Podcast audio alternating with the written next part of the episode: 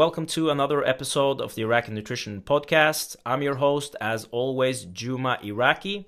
Before we start today's episode, I just want to mention that this podcast is available on YouTube, but you can also find it on SoundCloud, Stitcher, and iTunes as well.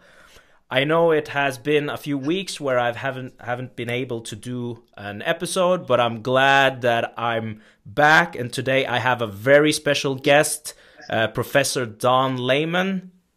Professor Layman, thank you so much for agreeing to take the time and be here today to discuss a very interesting topic. We're going to talk about protein metabolism today. So thank you so much for uh, joining me today.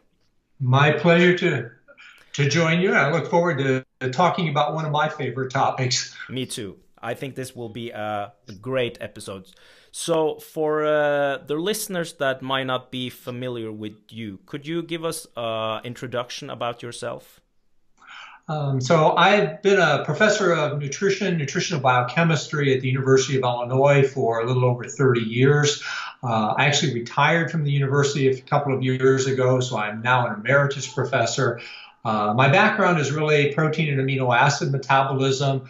Uh, I've looked at muscle development, both from malnutrition as well as athletic performance, but also related to things like uh, maintaining body composition during weight loss for obesity and aging and diabetes and things like that. So uh, I'm definitely, definitely muscle focused, uh, sort of a muscle centric nutrition focus, and also sort of a protein centric nutrition focus.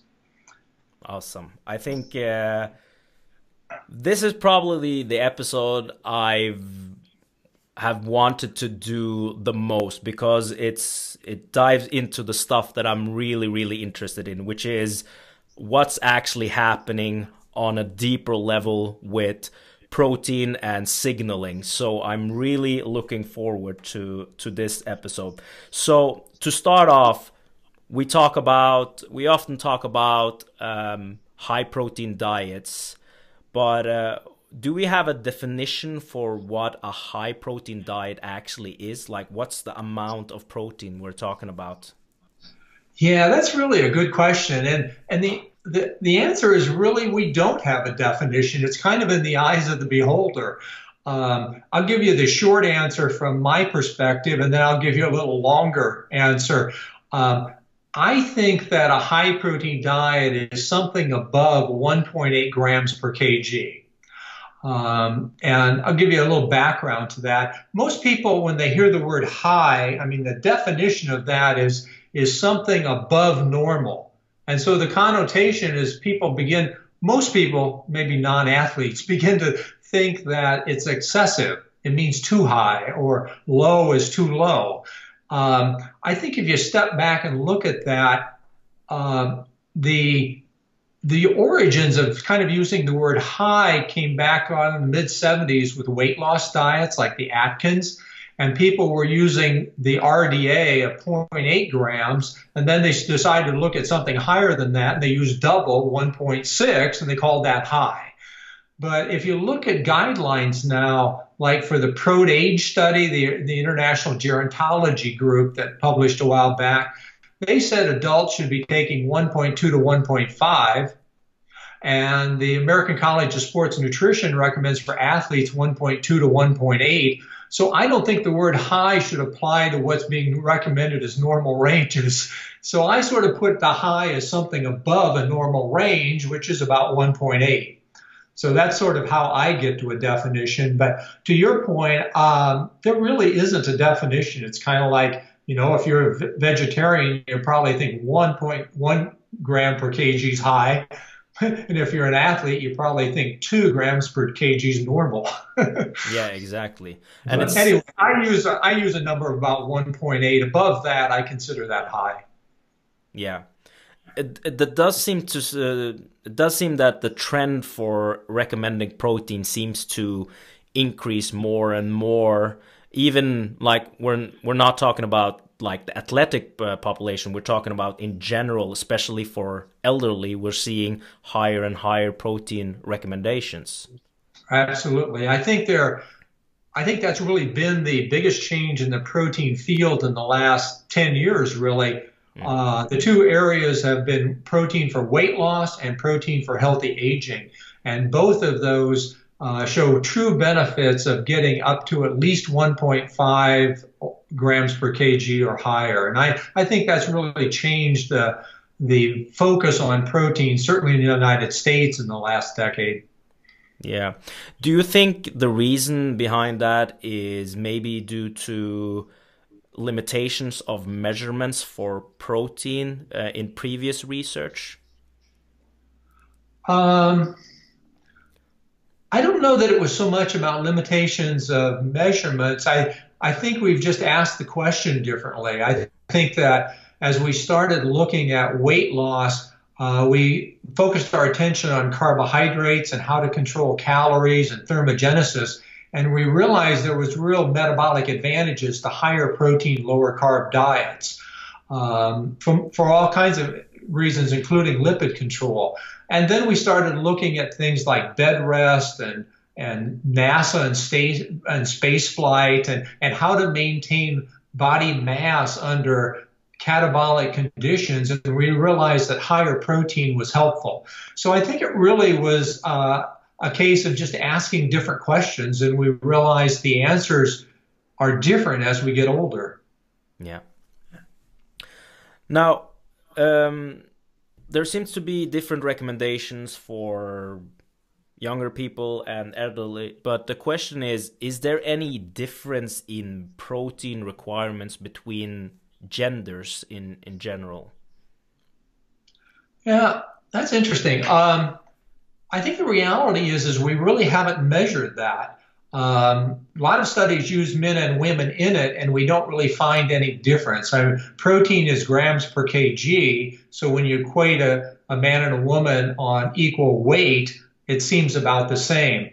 However, to take that a little bit further, um, we also probably think that protein relates to lean body mass, and women would have a little less lean body mass at equal body weight. They'd have a little more gender specific body fat but that's probably within 10% difference. And that probably is within our technical ability to measure it. We, for measuring differences in protein metabolism, protein synthesis, protein turnover right now, we probably need differences that approach 20% differences to detect them. And so if there's a small difference between gender at this point, it's probably outside of our detection limits. So, in my experience, we find that grams per kg works for men and women equally. Interesting.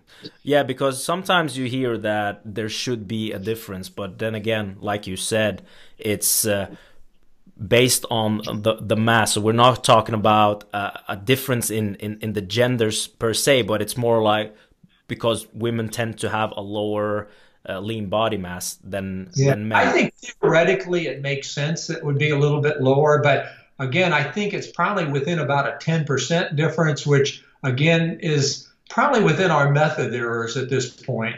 Mm-hmm. Now, uh, there seems to be a lot of focus in the in the research field regarding protein on the, another population, which is elderly, and the question is how should we adjust our protein requirements as we get older? And where does it seem to like where does it actually start to tip over where you should focus more on um, getting in extra protein? Yeah. Um, that's been a really hot area of research. And and one of the things i would probably uh, alert your listeners to is the use of the word requirement uh, one of the things that we talk about in the protein, you know, protein researchers talk about is differentiating sort of the, the concept of a minimum requirement, which is what the RDA is, versus an optimum intake. And I think that in the aging area, what we've decided is that the minimum, the RDA to prevent a deficiency is probably about the same, maybe a little low, but in terms of optimum for healthy aging, we think it's quite a bit higher, something at least above 1.2 grams per kg. So what we've learned is that as we get older, our bodies become less efficient handling protein. Maybe because of blood flow, maybe because of signaling differences, maybe because of membrane transport, but for whatever reason, uh, we become less efficient. And we can, we can help that efficiency with exercise, and, but we can also help it with just more protein. So I think in general, we have learned that a higher protein intake, better quality protein, and a better distribution of protein during the day are probably all important as we get older. And older, frankly, means end of growth. Uh, a lot of people, the research has sort of been 25 year olds versus 65 year olds. But from research that Doug Paddon-Jones and I did, uh, we see the transition occurring in the mid 30s. Mm-hmm. So I usually think of, quote, elderly beginning at 30. Okay, so so does that mean that you should already start to focus extra on it when you're in your yeah. 30s. That's my opinion is that when you get out of your 20s, when you get out of the growth period where growth hormones and insulin and IGF 1 are all really beneficial to muscle mass development, now you have to be much more careful about your diet and exercise quality because you don't have the hormones as a benefit anymore. And so distribution and things like that become much more important. And I think certainly the transition occurs by 40, but I think soon as you're ending growth, I think you need to make, be making that transition. Interesting. Does it also mean that you should adjust the total amount of protein that you consume in any way, or just focus more on the the the distribution? You know, I I think that you know it, it depends on a little on where you're you've decided to be when you're young. Um, in the United States, the the the normal protein intake for younger adults is probably above 1.1.0 grams per kg anyway. Um, the long time history is that people feel well when you stop growing, you need less. And that's clearly not the case. You need at least as much. Uh, if you're low, like uh, down around 0.8 grams per kg, then you definitely need to increase it.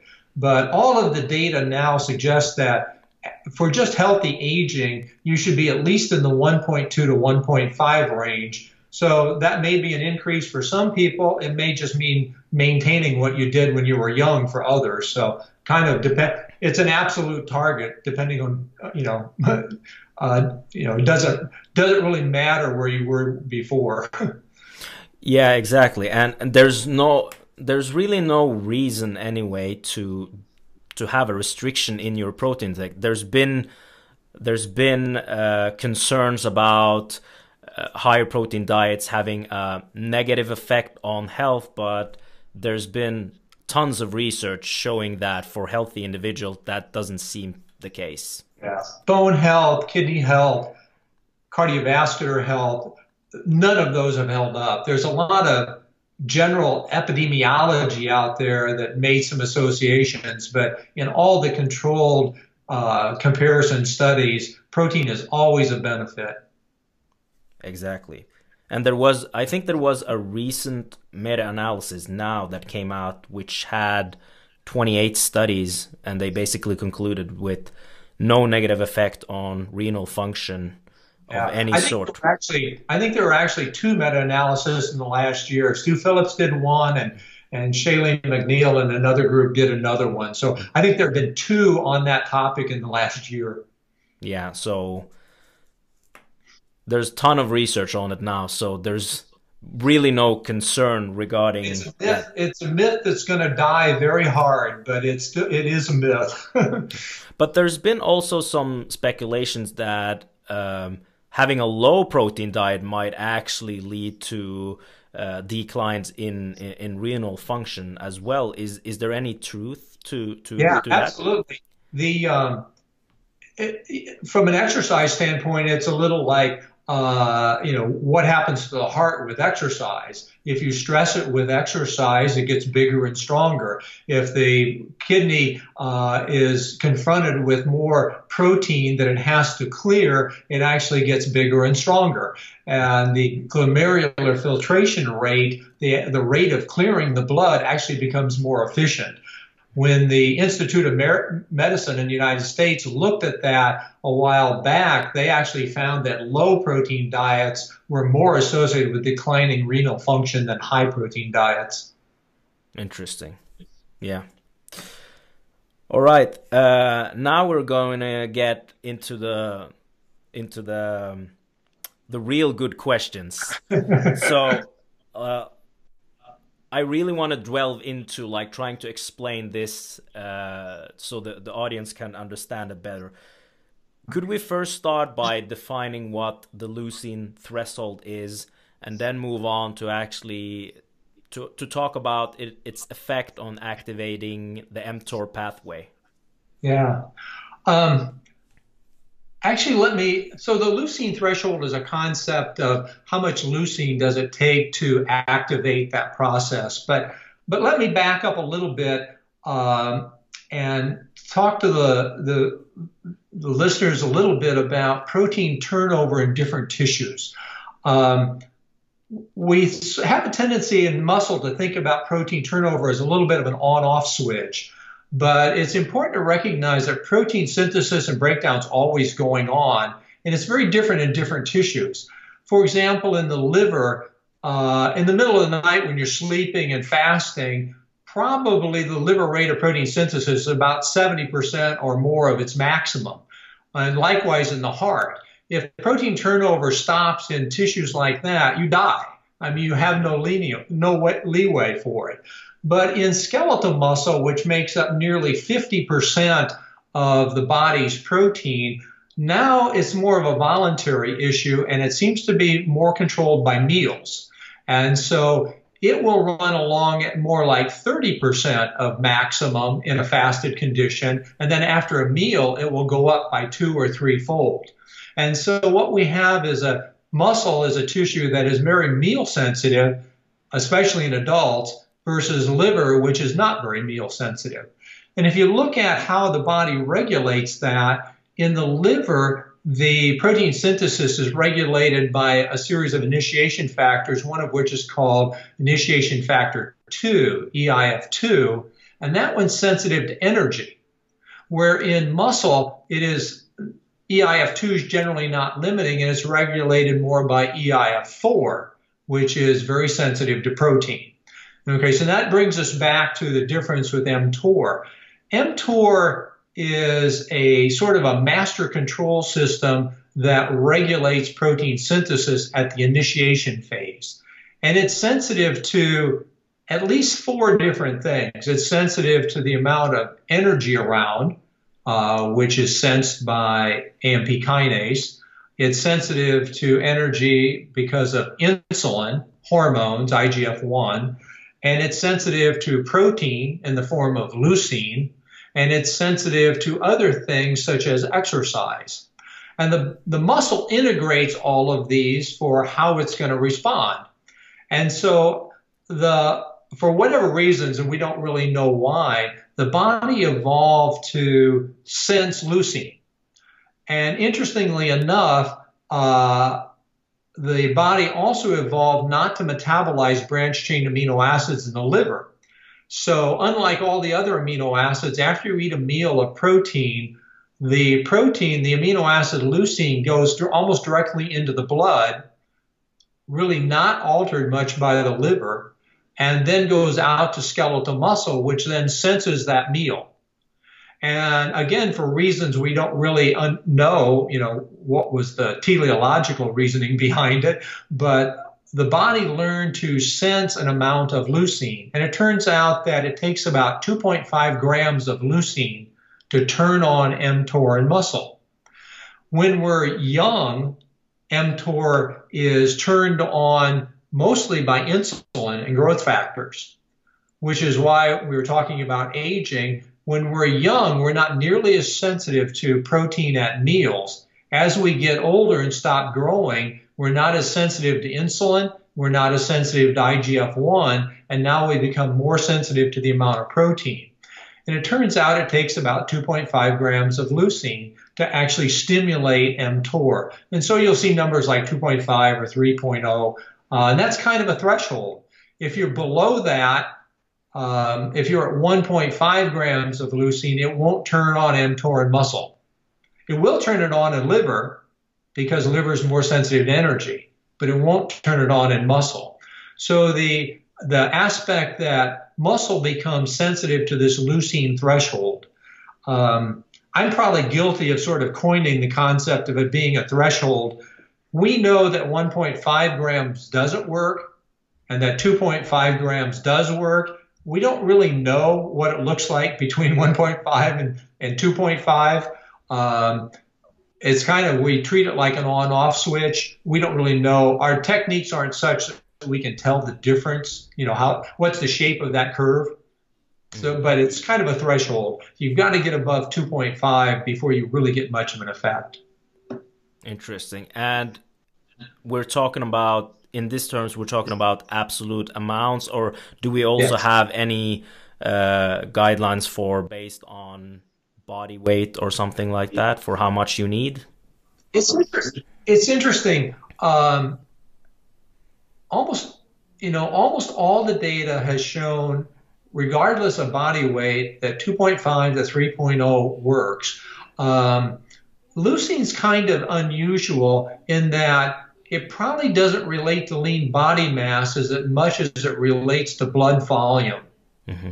And the blood volume in a person who's 150 pounds versus 250 pounds isn't very different. You know, what 4.5 liters to maybe 4.8. So they might be vastly different in weight, but the blood volume didn't change that much. And really, what it takes for leucine to work is the blood level has to go up by about threefold from baseline. Mm-hmm. The, the, other, the other thing, sort of thinking about this threshold, is that, um, and the whole initiation process, is that it's the first step in protein synthesis and I think of leucine as really a recovery from a catabolic condition. In the sports world, people have sort of tried to think about it as like an anabolic hormone, that you can take a bunch of leucine and stimulate muscle mass. That's not really what it does. What it does is recover from a catabolic condition. Like when you are fasting overnight for 12 hours and you wake up in the morning, your muscle protein synthesis has been shut down. And to re-trigger that, you have to trigger mTOR. Mm-hmm. What what mTOR does, I mentioned earlier that there's sort of this baseline protein synthesis, and you know, in muscle it's like 30% active even when you're fasting. And so what you're trying to do is stimulate it. What mTOR does is actually target certain mRNAs that increase capacity. And so if you look really closely in the literature, you'll see it has somewhat more effect on myofibrillar protein than sarcoplasmic protein. And because it's turning on certain messenger RNAs to increase your ribosome number and things like that. So it, it's targeting very specific RNA, mRNAs and it's starting the process. And so, you know, giving more leucine, once you have enough, giving twice as much won't do any more. If the meal has 2.5 grams of leucine in it, giving two more grams won't do any more. You've already started the process and you can't, you know, it's like turning on the car engine, you know, turning the key on the car. Once it's running, you can't turn the key on again and get any more. you know, just once it's running, it's going. Yeah, exactly. And this has had this, especially in the supplement industry, it's been a huge sure. hype with with with supplementing uh, more leucine uh, in the diet. Because the question has been amongst a lot of people in the fitness industry if leucine is most important to activate the this pathway why do i need to eat the other stuff? Why can't i just take leucine and be done with it? Sure. The the the the important thing there is leucine just simply turns on the machinery Mm-hmm. And once the machinery is turned on, then you need all of the parts to make to put together the car. Mm-hmm. So if you don't have all the other amino acids, it's not going to go anywhere. And so once once leucine turns on mTOR and activates these mRNAs, now you're you're responsible for all of protein synthesis. And what we have shown and others have shown is that uh, if you just give leucine, you'll start dropping the blood levels of all the other amino acids. You'll suck them out of the blood. Mm-hmm. And so you might get a, a, momentary burst of protein synthesis, but it won't last very long because you run out of substrates. Interesting. So it's basically like trying to build a building where you have workers and building material. So if you don't have the building material, you won't be able to build anything. Exactly. You know, you can you can tell them all to get started, but if they don't have anything to put together, it goes nowhere. Yeah. But we we mentioned the amount of leucine that you need for each meal, but it's it's not really a practical recommendation maybe to tell people that you need this amount of leucine to each meal. So do we have anything that's a bit more practical to recommend sure. with examples of uh, amounts of protein you need for each meal, for example? We we the 2.5 grams was actually a number we coined because if you in the United States the protein mix between animal protein and plant protein is about 70 30. We get about 70% of our protein from animal, 30% from plants. And if you look at that in a mixed meal, that mixed meal will have about 8% leucine. And so if you'd use that number of 8%, 30 grams of protein will give you about 2.5 grams of leucine. So 30 grams of protein became kind of the target. Uh, if your meal is all whey protein, for example, uh, whey protein is around 11% leucine. So you could get away with about 22 grams of protein and stimulate muscle protein synthesis, which is great for things like after exercise or small meals. But if you're a vegetarian, you want to use just plant proteins, you might have to have 35 to 40 grams to get to that level of leucine. So, you know, we use a mixed meal concept of about 30 grams, but again, it depends on the quality of the protein you're selecting. Excellent. Now, the, the follow up question to that would be if if more doesn't necessarily give you a, a better effect, what actually happens to the excess protein that you would consume in a meal? Let's say if 30 grams is what you need to hit that leucine threshold, what actually happens to the extra amino acids that you've consumed? So, so that's a really good question, and the way you ask it, it's important because it's the way a lot of people will think about it. Again, leucine is a threshold for turning on the system. That doesn't mean the maximum amount of amino acids you can get a benefit from. So having more protein will actually increase your body's ability to make protein. So that we're separating the leucine question from the total protein question. Okay. So uh, is a is a 50 gram protein meal better than a 30 gram protein meal? And I would say that if you're a bodybuilder, yes, it is. Okay. So 30 gram would be the minimum to get a muscle effect. So if you're trying to if you're doing weight loss, for example, and you're trying to maximize your muscle benefit with the least calories, then 30 is a good target. If you're trying to build muscle mass, then you should probably have one or two meals per day that hit 50 grams because you're trying to hypertrophy. So we need to separate the leucine concept of the, the starter the, the starter mechanism from the maximum effect of amino acids.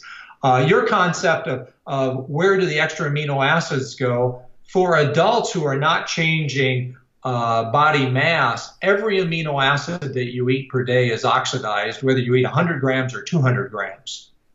That's just the physics of it. You know, you, your body is a constant amount of protein, so that means if you take in 100 grams per day, you have to oxidize all 100.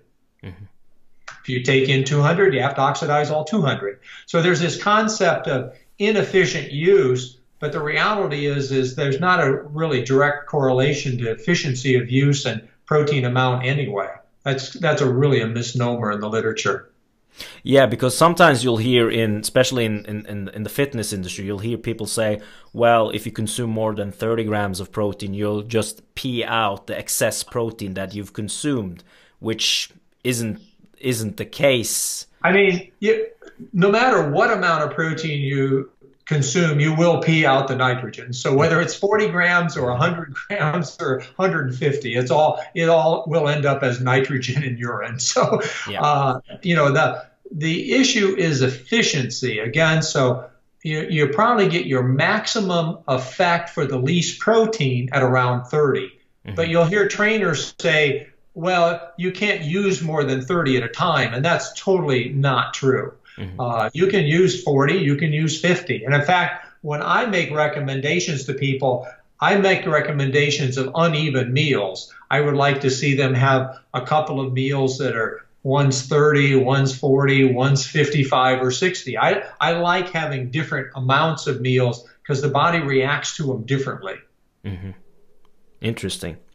So would that mean that you would have some feedings that would be pretty high in protein content and then some smaller meals throughout the day? Exactly. And I think that for most of our lifestyles, certain meals are easier to get higher protein into. Mm-hmm. In an American lifestyle, typically breakfast, the first meal is fairly light and the last meal is fairly heavy. I think that's perfectly fine. Mm-hmm. If you want to reverse them, that's perfectly fine. But I like the body adjusting to different meal size. There's sort of the concept that came out of the leucine that we should have an even distribution of protein. And I don't think the literature supports that at all. I think having a different distribution where some meals are higher is actually much better. Okay, interesting. As long as you are hitting the threshold Hit, for each meal.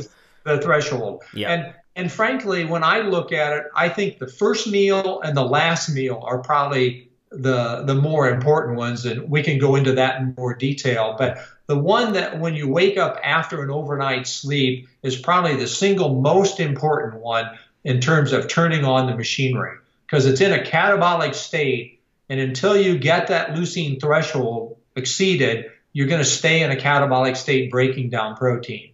So that first meal, and I usually call it the first meal versus breakfast because I don't care whether it happens at seven in the morning or noon. Mm-hmm. The first time you eat, you need to get it right. Mm-hmm. Yeah, exactly. Yeah, there's been a ton of research on, especially the meal pre-bed uh, especially coming out from Van Loon's lab in, in, in the Netherlands. And it, it, does seem to suggest maybe that it's uh, it's beneficial to at least make sure that you're consuming adequate amounts or higher amounts of protein um, before going to bed. Again, I think if you're really looking to be a bodybuilder, uh, I think looking at four meals, four you know four different distributions, one of which is just before bed, is again really good. Mm-hmm. Again, if your goal is healthy aging, uh, body weight control, adding a fourth meal in probably is counterproductive. Mm-hmm. so again, I think if you're trying to maximize muscle mass, it's a good idea. Uh, I don't think the benefit outweighs the calories uh, for most people. Mm-hmm. Yeah. One thing that uh, I also wanted to, to, to mention that you were saying that 30 seems to be the, the minimum. If you actually look at the, um, the, the protein dosage studies that we have, we have uh, the study by Moore from 2009, we have a study by Witard from 2014, and then we have a Macnaughton study that came out in 2016, I think, where they're comparing different amounts. If if if people would look at the graphs, because two of the studies conclude with 20 grams being the maximum amount you need to maximize muscle protein synthesis. But if you look at the graph, it actually is increasing when you're going from 20 to 40. It's just that the the difference isn't significant enough for them to conclude that. But the difference was the the Macnaughton study, which actually showed 40 grams was better than 20 grams and what they concluded with was it probably has something to do with more muscles being trained um, compared to uh, single muscle groups being trained. So if you were to, to do a whole body routine, it would require more proteins in a meal. The two two things to be very sensitive to when you're looking at those papers is one is what it was the age of the subjects and the other is, are you talking about post exercise or not? Mm-hmm. Exercise lowers the threshold. Mm-hmm. Um, so when we talk about 30 grams, that would be like a morning br- breakfast without exercise. Mm-hmm. But if you have an exercise, a resistance type exercise preceding it, you'll probably get an effect with as little as 15 grams. 15, 20 grams will probably be okay. The Moore paper, if I remember correctly, was young adults. Mm-hmm. I think that was 25 year olds. And so, again, they're much more sensitive to protein than older adults. And I think that the other one that out of the Van Loon's lab was older adults. Mm-hmm. Uh, I believe that was uh, more 60 year old type individuals, and they found the more 40 gram target. So, you know, I think you need to be. Are, are you talking about post exercise? That's different than just a normal meal effect because the exercise increases the efficiency of use, maybe because of blood flow, maybe because of signaling of mTOR, both of which we know to be true. And so it increases the efficiency. And then aging decreases the efficiency. So those are the two things to keep in mind as you look at the literature and try and sort through the noise of different conclusions. Interestingly. Now, moving on to uh, you, you briefly mentioned the AMPK, which I wasn't wanted to talk more about. So let's start off by mentioning what what is AMPK and what effect does it have on muscle protein synthesis. AMPK is a really cool enzyme complex, um, and it's often referred to as a master energy regulator of the cell. Um, so we we will trigger AMPK, AMP kinase, uh, in conditions of low ATP. And so AMP, so the ratio of AMP to ATP will increase, and that's what triggers it. And so the body will then begin to do things to either generate ATP or conserve ATP. Uh, and so, notably, it increases things like glucose transport into cells. It'll increase uh, GLUT4 transporter. Uh, it shuts down fatty acid synthesis and increases fatty acid oxidation, things that increase AMP or ATP. Um, in terms of protein synthesis, protein synthesis is an amazingly energy expensive process. And so AMP kinase will shut it down.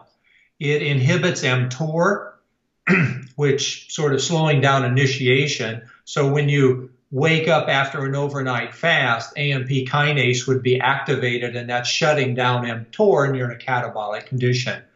Um, AMP kinase is also activated, um, say, after a meal, uh, and it shuts it down in muscle because we're burning up ATP, and it will then inhibit the elongation factor 2. So if you look at protein synthesis, first we initiate the process, which just sort of gets all the machinery together, and then we have the elongation process of actually making the protein, putting each individual amino acid together, and that's actually where all the energy is. And so AMP kinase directly inhibits elongation factor 2, EEF2.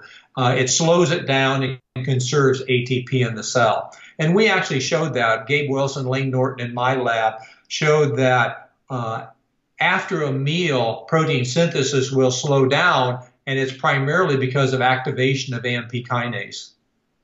Interesting. Now, is there anything other than, like you mentioned, when you wake up in the morning after a fast, AMPK will be activated? Um, what effect does exercise have on AMPK? AMPK will, will also be activated with exercise because it's an ATP expenditure. Mm-hmm. And so it will trigger all of those processes, increase uh, glucose transport, increase gluconeogenesis, increased fatty acid synthesis, and slowing down protein synthesis. So exercise itself is a catabolic condition. We're burning fat, we're slowing down protein synthesis, uh, et cetera, et cetera. So AMP kinase is very important in exercise, uh, starvation, fasting, any catabolic condition. Interesting. So would that mean that it would be activated in the post exercise window where people are recommended to consume nutrients? And is it only So it, it's activated during the exercise and then in that post exercise recovery that's why you're taking in the nutrients mm-hmm. you're trying to counterbalance that stress and amp kinase is one of the things you're trying to reverse And it's, is it only protein that you should be focusing on? Is it only protein that has an effect on that? Or does um, carbohydrates also affect it? You know, I haven't. Um, I haven't studied that as well, but glucose will also help reduce the AMP kinase. And, and you'll see some people, and we've done some studies giving just protein or just glucose or, or a combination. And so I think there's benefit to having both. Mm-hmm. Um, again, people have sort of studied it relative to glycogen repletion as opposed to ATP or AMP kinase effects. Uh, but the effects are on, you know, on both. You're, you know, when you are in an energy limiting situation, um, the body will use protein as an energy source too. Branched chain amino acids are a very effective energy source. Um, so, you know, I see benefit to actually using uh, protein and some carbs, especially if you're going to perform again soon. Mm-hmm. If you're really just looking at body building, probably less important. But if you're an athlete who's going to perform again, uh, say a tennis player or something, taking in both probably makes some sense. Excellent. Now you mentioned BCAAs, and that seems to be a really hot supplement in in, in the industries. So, uh, what role does BCAAs have on muscle protein synthesis, and would you do you think it's beneficial to supplement BCAAs in in your diet, or are we getting sufficient amounts from the protein sources we're eating? Um, in, in, general, we're getting sufficient amounts, but uh, back up one step. So BCAAs, branched chain amino acids, are leucine, valine, and isoleucine, the three branch chain. And so we've talked about leucine. Um, is it useful to supplement leucine? Um, the question there would be, um, can you reach your leucine threshold because, with your protein? For example, um, a lot of people at lunch might go out and have a salad that maybe only has 15 grams of protein in it. Taking in a branched chain amino acid supplement at that point would help you reach the 2.5 grams of leucine uh, and trigger protein synthesis, even though you only had four, 15 grams of protein there. So for vegetarians, for small meals, for breakfast, for places where you're less than 30 grams of protein, it might be useful. If you've got 30 grams of protein, so you've reached your leucine threshold, then there's no benefit at all. They really just become an extra amino acid source. Um, so, you know, I, I, think there's room for them, but only in cases where protein is inherently low. Um, if you're going to take a supplement, should you take leucine or branched chain amino acid, all three of them? Uh, what we know is that when you trigger protein synthesis, um, we could talk about TCA cycle things and, and why exactly. But when you trigger protein synthesis, you also trigger leucine oxidation. And for when you trigger leucine oxidation, uh, you begin to deplete the TCA cycle. And so for every molecule of leucine metabolized, you're removing an alpha ketoglutarate. And to replace that, you need to have a valine or an isoleucine, which will replace it sort of at the next step, succinyl CoA. And so basically, you need to take all three branched chain amino acids in approximately a two to one to one ratio. So when you see supplements, you'll typically see them in that ratio. And that's because that's how they're metabolized.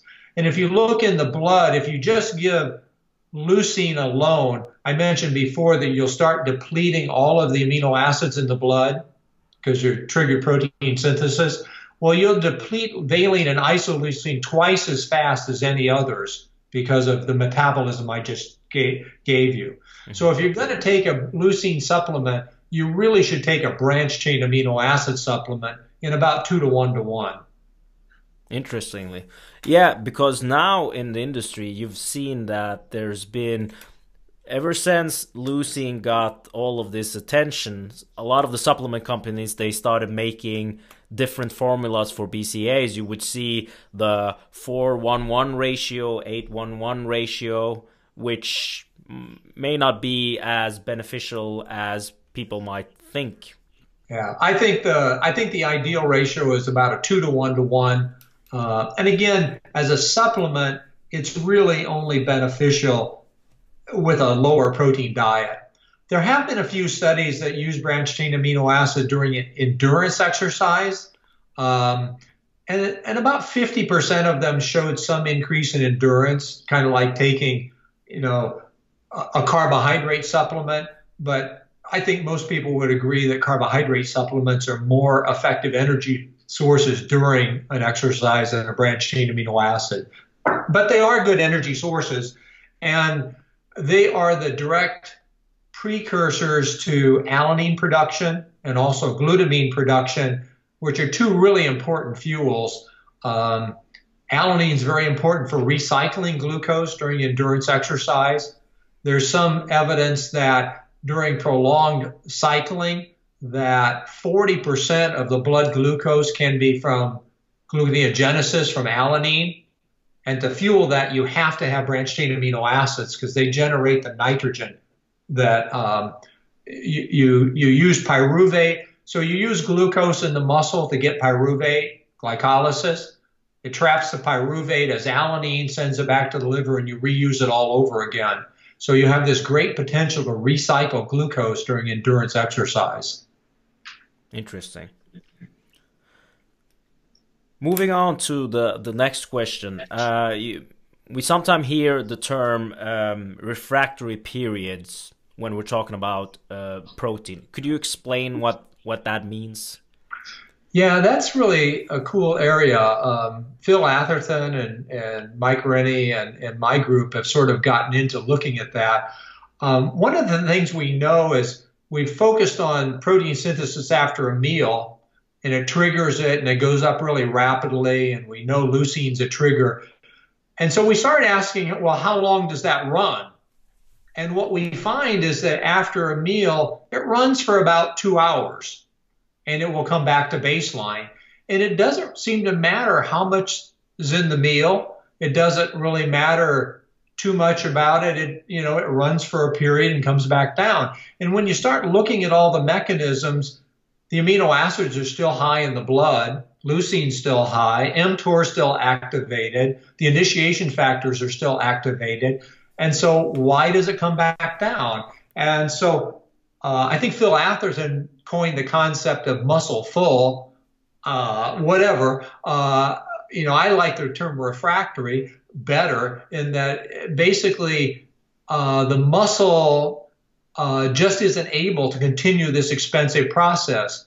We actually looked at that, and what we found was ATP is actually getting depleted in muscle cell. And you can kind of imagine that the last thing you'd want for survival is to have your muscles unable to function. You know, you're out in the wild running from the, your last kill or something of a wild animal and you can't move. So basically, the body has a way of protecting ATP levels, and in fact, it triggers AMP kinase. Mm-hmm. And so we think my lab paper we published, American uh, the uh, American Journal of Physiology, uh, is we think it's an AMP kinase uh, uh, mechanism that is slowing down uh, the elongation factor 2. And basically, the muscle is refractory to any sort of input until you get ATP built back up. Um, we think that period is around five hours. Mm-hmm. And so sometimes we will talk about meal distribution of around five hours. That if you take in another protein meal within three hours after a protein meal, there's a good chance it'll have very little effect because you're in this refractory period. And so we like a spacing of four to five hours between meal so the muscle has the time to reset and be ready to actually efficiently handle the next meal. Interesting. Interesting. So in practice, you would um, have longer periods between each meal. One of the reasons I mentioned earlier that I like the first meal and the last meal is because you now have a lot of distance. You're going to get the maximum effect of the protein you eat mm-hmm. because the system has totally reset. Interesting. Now, uh, there's I don't remember the author. I think maybe it was Gabe Wilson that did a paper on this, but if I remember correctly, he looked at supplementing branched chain amino acids between meals to see if it had an effect on the refractory yeah. period. Exactly. We did that. So Gabe and Layne Norton in my lab. Um, so we we studied the effect of that refractory period, and we realized it was AMP kinase and uh, the elongation factor two. So then we started asking, well, if it's an ATP, can we supplement energy? So we started giving different glucose combinations or leucine combinations. And we found that we could actually extend, if we gave the supplement at the top, kind of at the peak of the protein synthesis, that we could actually extend the period of protein synthesis. Um, we did it twice. Uh, it worked in our laboratory. I know a couple of other laboratories that have tried to repeat that. I think Phil Atherton tried, and uh, Dominique Dardevet tried. Uh, and I don't think either one of them found that. So uh, at this point, I'm reasonably comfortable with the, the fact that AMP kinase is involved in the refractory issue. It relates to ATP and, and the elongation factor 2. Do supplements really mitigate that? Um, I think that's still a question up for grabs. You know, we found it, we repeated it, but other labs haven't. So I don't know if that's the conditions we used versus theirs. Um, I think it's an open question, and you know, I, I, I still don't know the answer to it. I, I, I still, I still think for efficiency, thinking about four to five hours between meals is the right thing, and supplementing in between, I think, has little effect. So I think that's where I would sit at this point. Okay, interestingly. So, so um, can I ask what time did you actually incorporate the supplementation, like uh, so at the? We, um, so in our model, which was actually we were using rodents, we were using rats. Mm-hmm. The period of protein synthesis was, um, if I remember correctly, about 180 minutes, and it came back to baseline. Uh, and so we gave the supplement uh, I think right around 100 minutes. So we were right after the peak. So protein synthesis peaked between 60 and 90. It was sort of at a peak. And so we got it just as it was beginning to fall out of the peak. So it was still, everything was active, everything was maxed. Protein, you know, AMP or ATP was still high, and that's where we gave the supplement. So again, did we just happen to hit it coincidentally? I don't know. You know, it's uh, it's still an experimental question. But uh, what we do know is that there is this refractory period. Protein synthesis comes down when all of the indicators are it still should be running. Uh, you know, leucine's high, um, uh, mTOR's on, all of the fa- initiation factors are triggered, but it, yet it stops. And so, again, we think it's an energy issue, an AMP kinase. Can you manipulate that? open question. Interesting. All right, this was great. I think we covered a lot of things in this uh, podcast, but before we sign off, could you please give the listeners uh, a take home message to conclude this uh, podcast? Um, yeah, I think I would probably go that, you know, athletes recognize the importance of muscle, but I think we're recognizing it more and more just for general health. That muscle is really a key to fitness and long term health. I like the concept of a muscle centric view of health. And I think that what we've recognized now is that protein and exercise, particularly resistance exercise, are important for everyone. And that as we get a little older, the amount of protein at each meal, the distribution, the quality of protein all become very important. And we used to think it was only about children and growing, but it's really a lifelong issue now that we maintain our muscle, muscle health and we pay attention to the combination of dietary protein and exercise. Excellent. All right, Professor Layman, thank you so much for uh, taking the time to be on the podcast today. Uh, for the listeners out there, is there anywhere they can find more information about you? Are you active on any social media platforms? I do uh, participate in Twitter, so my handle is uh, at Don Layman. So uh, I basically tweet about uh, science, so that's a good place to follow. Um, and uh, you can certainly find me. My my email is uh, is is dlayman at univer- uh, at illinois.edu. So you can track me down, and I'm pretty widely published, so you can find me on Google. Excellent. Once again, Professor Layman, thank you so much for your time. I hope you enjoy the rest of the day and hopefully it doesn't get too cold in Chicago today. Winter is arriving, but uh, thank you. It was my pleasure to join you. Thanks. Thank you so much. Bye bye.